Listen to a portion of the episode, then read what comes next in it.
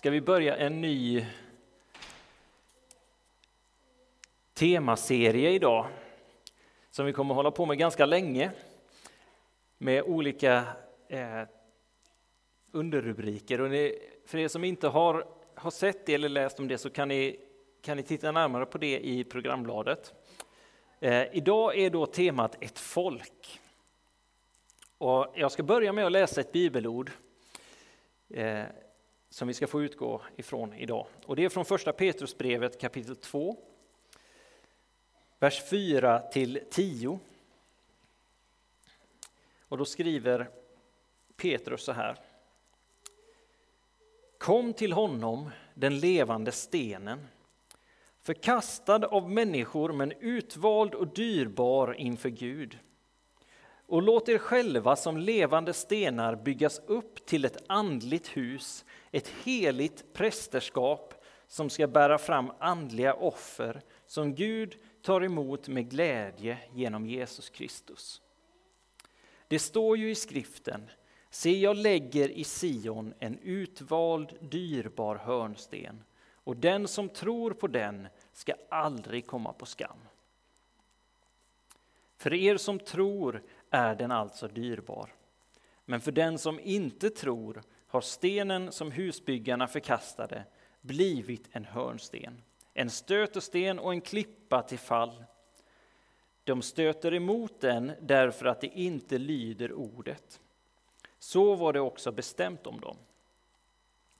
Men ni är ett utvalt släkte, ett kungligt prästerskap, ett heligt folk, ett Guds eget folk för att förkunna hans härliga gärningar. Han som har kallat er från mörkret till sitt underbara ljus. Ni som förr inte var ett folk är nu Guds folk. Ni som inte hade barmhärtighet har nu fått barmhärtighet. Så lyder Herrens ord. Gud, vi tackar dig.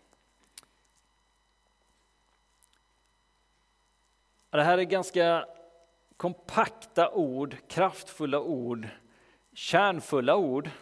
Och det säger väldigt mycket. Och det vi kommer inte kunna gå in på allt eh, som sägs här och därför så predikade jag över detta förra veckan också. Eh, för er som var med då. Men, eh, men jag skulle bara vilja säga så här. Innan vi dyker allt för mycket in i det här. Jag är ganska mycket av en tävlingsmänniska. Och vissa här inne känner igen sig i det, att eh, när, när det börjar bli tävling, när det, bör, när det börjar bli match, när det börjar hända någonting, så att säga, då, då, då faller något filter, så att säga. Några spärrar försvinner. Eh, när man börjar, eh, när bollen kommer fram, om man säger så. Eh, jag, kan, jag har många erfarenheter av att eh, när vi har varit på familjesemester eller eh, samlat som familj så har, det, har vi fördärvat den eller det har spårat ur eh, när brädspelet eller, eller bollen eller så har kommit fram. Och, och vi har blivit väldiga ovänner. Så vi har, vi har lärt oss till viss del genom åren att hålla oss borta från vissa saker. För att det inte ska komma dit. Ibland så gör vi det ändå, men kanske har mognat på vissa sätt också. Men jag har med mig också genom, genom åren så här att vid vissa tillfällen så hamnar man i att man delar upp lag och så märker man så här att vårt lag är på många sätt helt underlägsna det andra laget. Vi, vi, vi om man tar lagsportsliknelsen eh, då, att vi är, vi är långsammare, vi är inte lika strukturerade, vi, eh, vi hänger inte med i, i taktiken och så vidare. De gör allting mycket bättre och hur mycket jag än i min tävlingsinstinkt kämpar och springer och, och krigar och även om jag spelar fult så, så, så går det inte. Vi, vi kommer inte dit vi vill. Vi, de, de spelar ut oss ändå. Och så, så händer det sen att man delar om lagen. och så får jag hamna helt plötsligt i det bra laget. Och då går allting mycket lättare. Vi är de strukturerade, vi är de snabba, vi är de som har taktiken. Vi är de som gör målen, så att säga. Vi är de som vinner matchen, eller vad det nu är vi spelar. Och, och det, det är en fantastisk känsla. Så. Och som jag sa, temat för idag är ett folk. Det är inledningen på den här serien som vi kallar för ett folk på uppdrag. Och idag så kommer vi fokusera på vilka vi är och framförallt på vilket, genom den här serien, på vilket uppdrag vi har kommer vi tala väldigt mycket om. Och varför kommer vi tala om vilket uppdrag vi har? Jo, därför att uppdraget definierar oss. Definierar vilka vi är som folk. Och idag så kommer jag på något sätt då försöka tala om början på det här, att vi är ett folk. Men det är väldigt svårt att göra det utan att komma in på uppdraget. Så det kommer bli lite både och ändå. Men, men Petrus här i första Petrusbrevet, han säger ni som förr inte var ett folk, ni är nu Guds folk. Ni som inte hade fått barmhärtighet har nu fått barmhärtighet. Vi har blivit något som vi tidigare inte var. Vi har gått från mörkret in i Guds underbara ljus. Och så tänker vi tillbaka på den här lagsituationen då. Gå från de dåliga, förlorande förutsättningarna till att vara i de väldigt bra, positiva, vinnande förutsättningarna. Och vad handlar det här om? Att ibland så kan vi tycka att det det är kul och bra att få, få framgång och så. Och på vissa sätt så kanske våra, våra, att vara i det kristna folkets, församlingen, ibland så kanske vi mer får likna det nästan vid att vara i det, eh, det dåliga laget. Nästan, i vissa situationer. Eh, och inte att vi, vi är i ett förlorande lag. Det är inte alls det som det handlar om. Vi är i det vinnande laget, men, men vår upplevelse kanske nästan är så att nu, hur mycket jag än kämpar, hur mycket jag än eh, krigar på, och det är inte det som det kristna livet handlar om, att jag ska kämpa. Men i, mitt, i vårt lag här så, så ser vi inte så stor skillnad. Vi ser inte så att vi kommer så långt egentligen.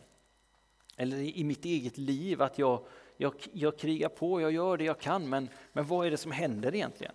Sen är min fasta övertygelse att nedlagt i församlingen, i Guds folk, så finns det en sån otrolig sprängkraft.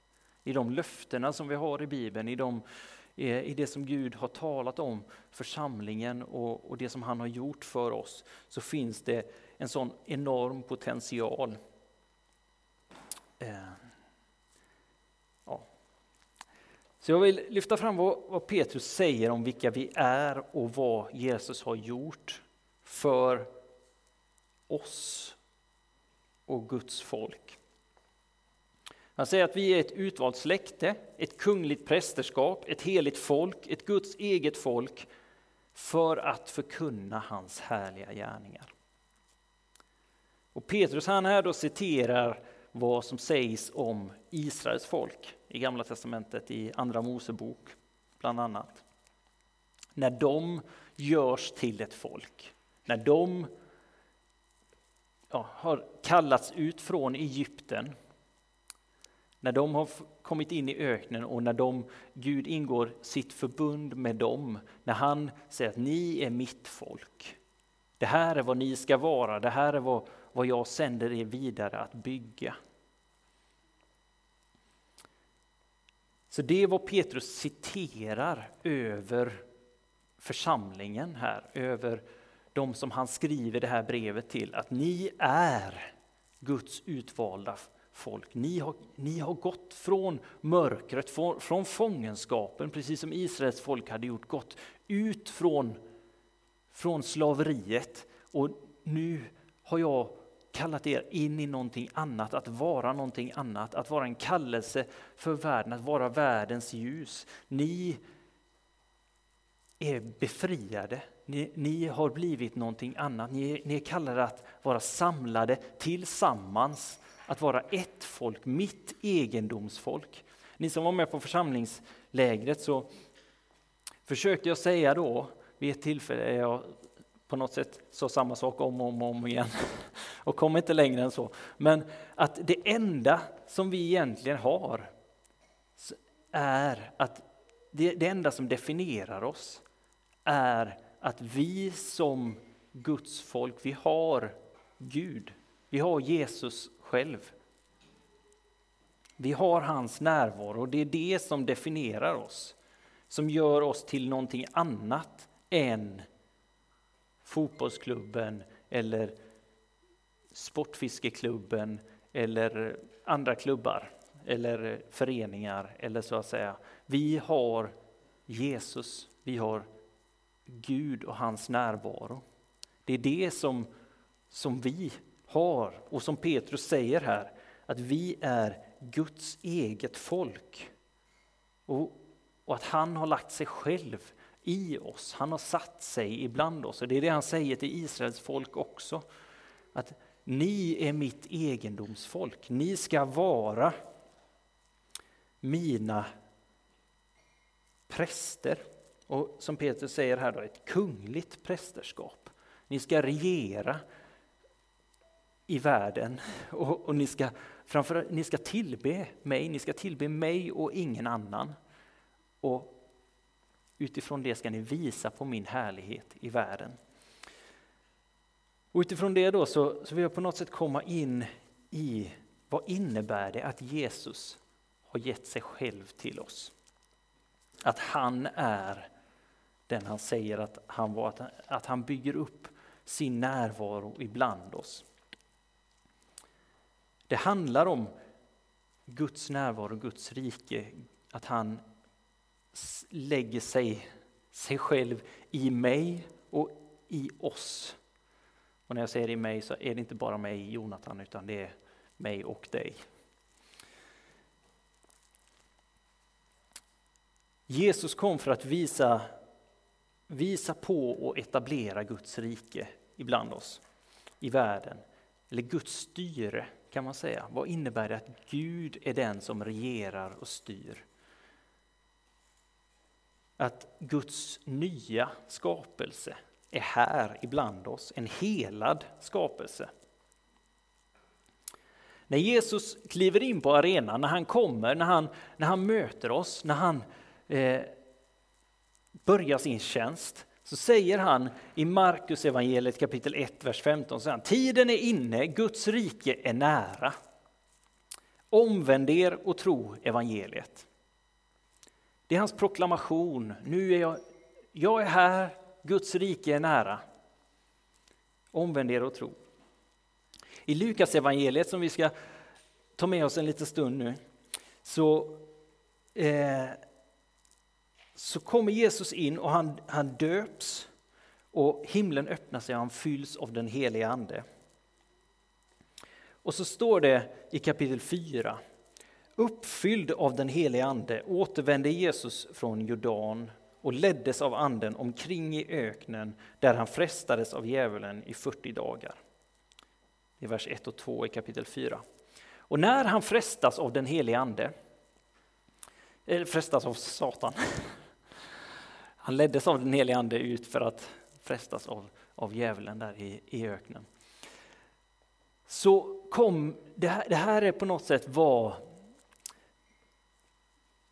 vad Jesus kommer för att göra. Han tar upp kampen mot ondskans makter, mot det som håller oss fångna. Han, han möter med, med djävulen.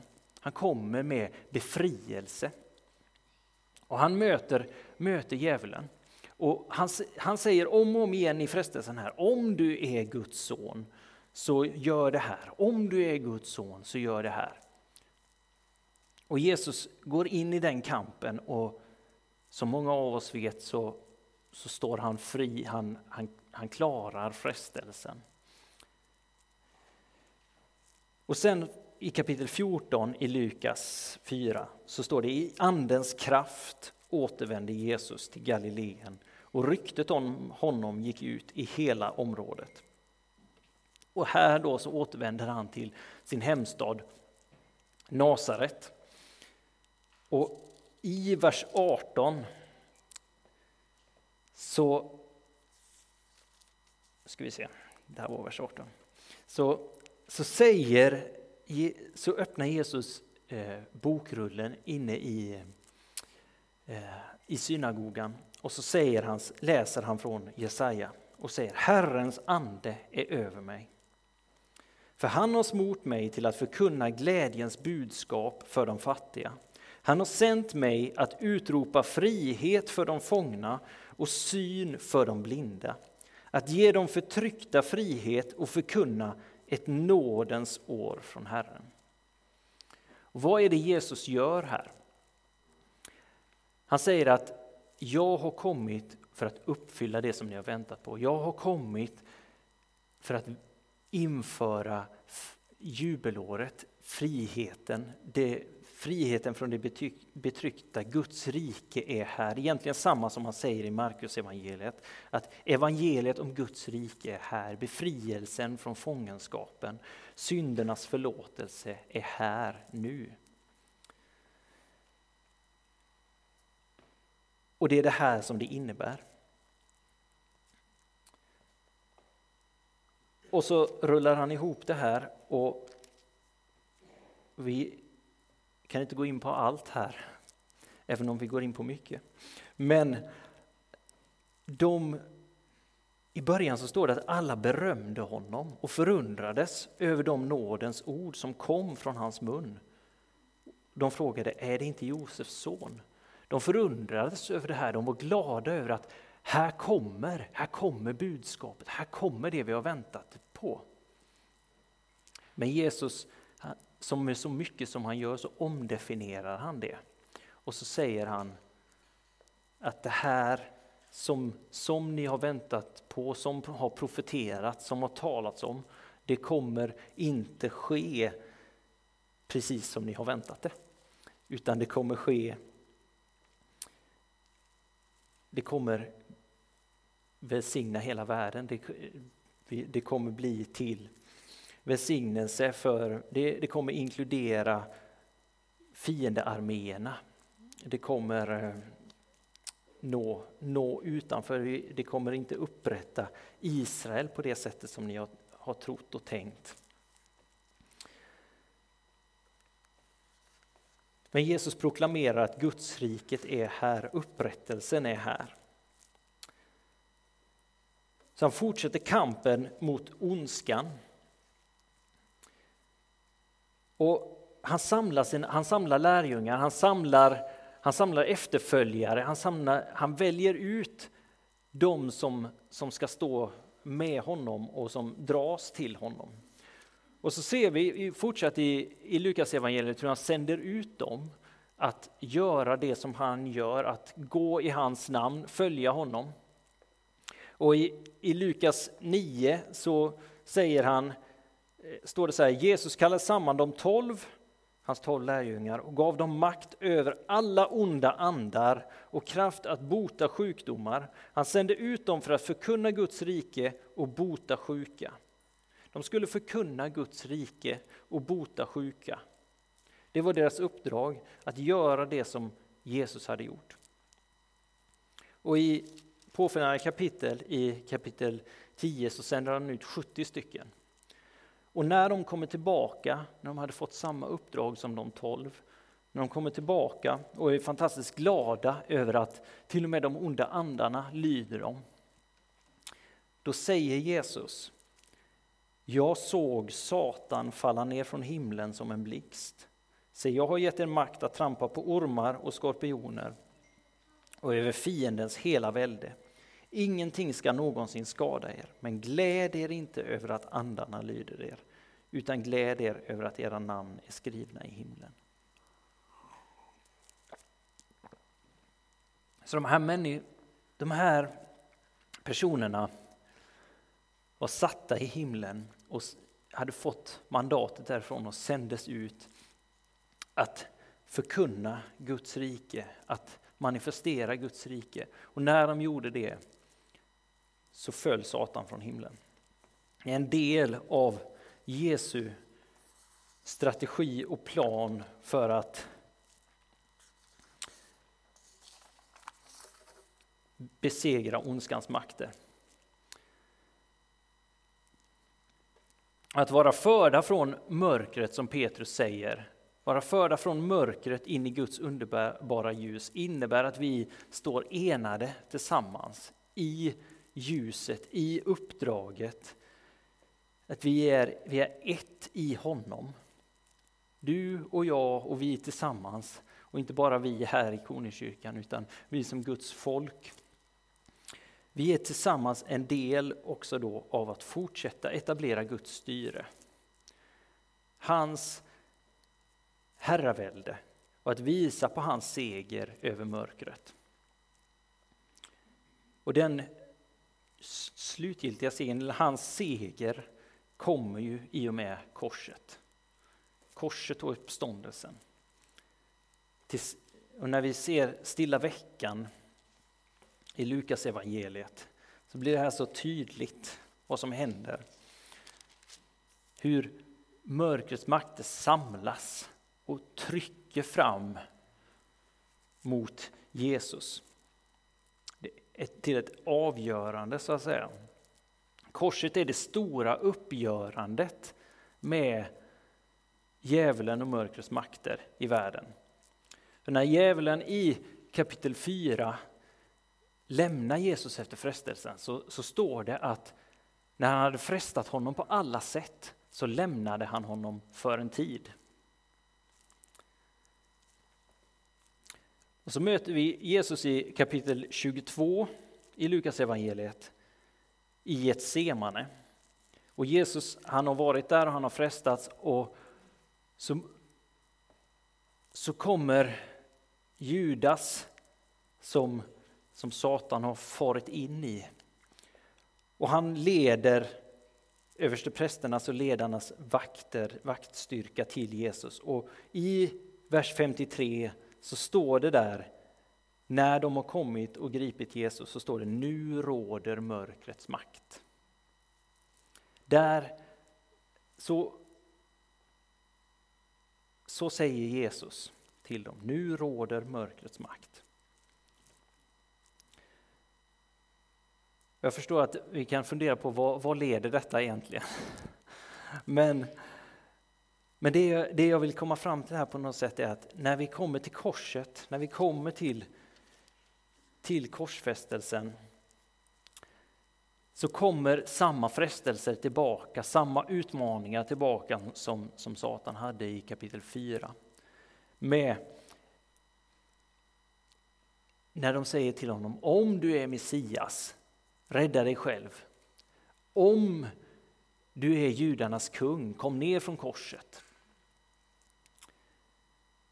Om du är Messias så, så fräls dig själv. De säger det här om och om igen och det kommer från olika personer. Men, men det, det är på något sätt den slutgiltiga kampen, så kommer kampen från början tillbaka igen till Jesus. Och som vi vet så, så hänger Jesus kvar och det är vi väldigt tacksamma för att han gjorde.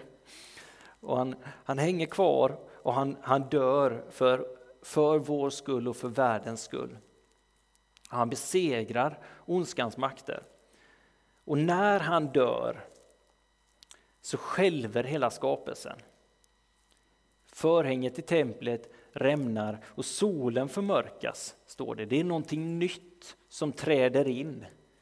Någonting nytt skapas. Och jag har varit inne på det, Guds rike så att säga bryter in. Det är redan här. När kungen är här så har det kommit. Men men det hände någonting där, att nu är det här. Och när Jesus uppstår så kommer förstlingsfrukten av den nya skapelsen och öppnat en, en väg. Så att det, det som Petrus talar om i andra Petrusbrevet, att vi har förts från mörkret in i ljuset. Att vi är det utvalda släktet. Genom vad Jesus har gjort genom hela sin gärning och i den slutgiltiga kampen på korset och genom hans uppståndelse, det är att han har fört oss genom sin, genom att vi får dö med honom och uppstå med honom, så är vi en del av det utvalda släktet, det nya utvalda släktet. Vi är hans kungliga prästerskap. Vi är ett heligt folk. Och vi är, som temat är idag, ett folk. Vi är Guds eget folk som lever i hans underbara ljus och våra förutsättningar har helt och hållet förändrats. Vi definierar oss av att vi har Gud själv, vi har Jesus själv mitt ibland oss, med oss, i oss. Vi är hans tempel. I Fesebrevet 2 säger det så här.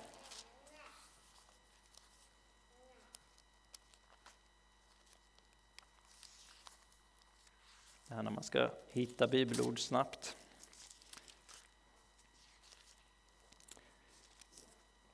Vers 19 säger, därför är ni inte längre gäster och främlingar, utan medborgare med de heliga och medlemmar i Guds familj.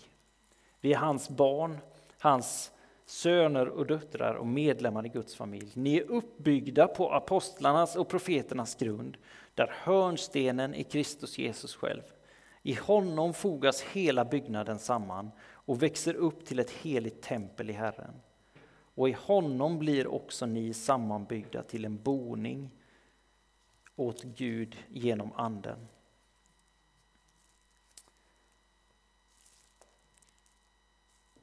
Och det är ungefär vad Petrus säger här också. Och låt er som levande stenar byggas upp till ett andligt hus, ett heligt prästerskap som ska bära fram andliga offer som Gud tar emot med glädje genom Jesus Kristus. Att vi är hans tempel.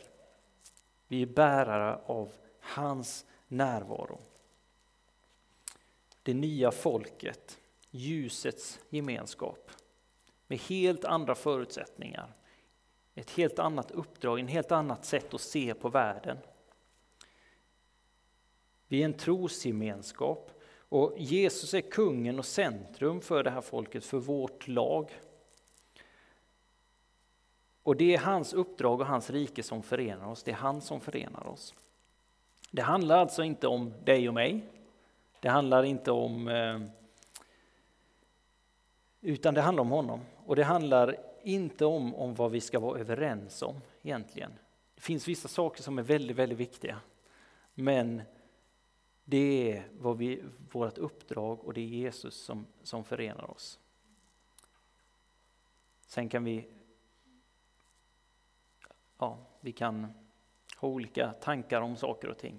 Men samlas vi kring det, då, då kan vi då kan vi samlas, vi kan älska varandra och vi kan, gå i det namnet.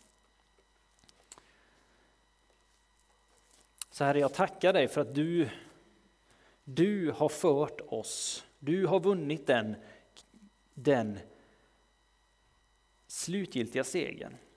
Och i den segerns namn så får vi gå i ditt namn och fortsätta utföra den, den kampen, Herre, den striden. Och vi får ära dig vi får tillbe dig, vi får eh, stå med dig. Vi får vara ett folk tillsammans. Vi, och jag ber kom helig Ande och fyll oss nu. Tack för att du definierar oss.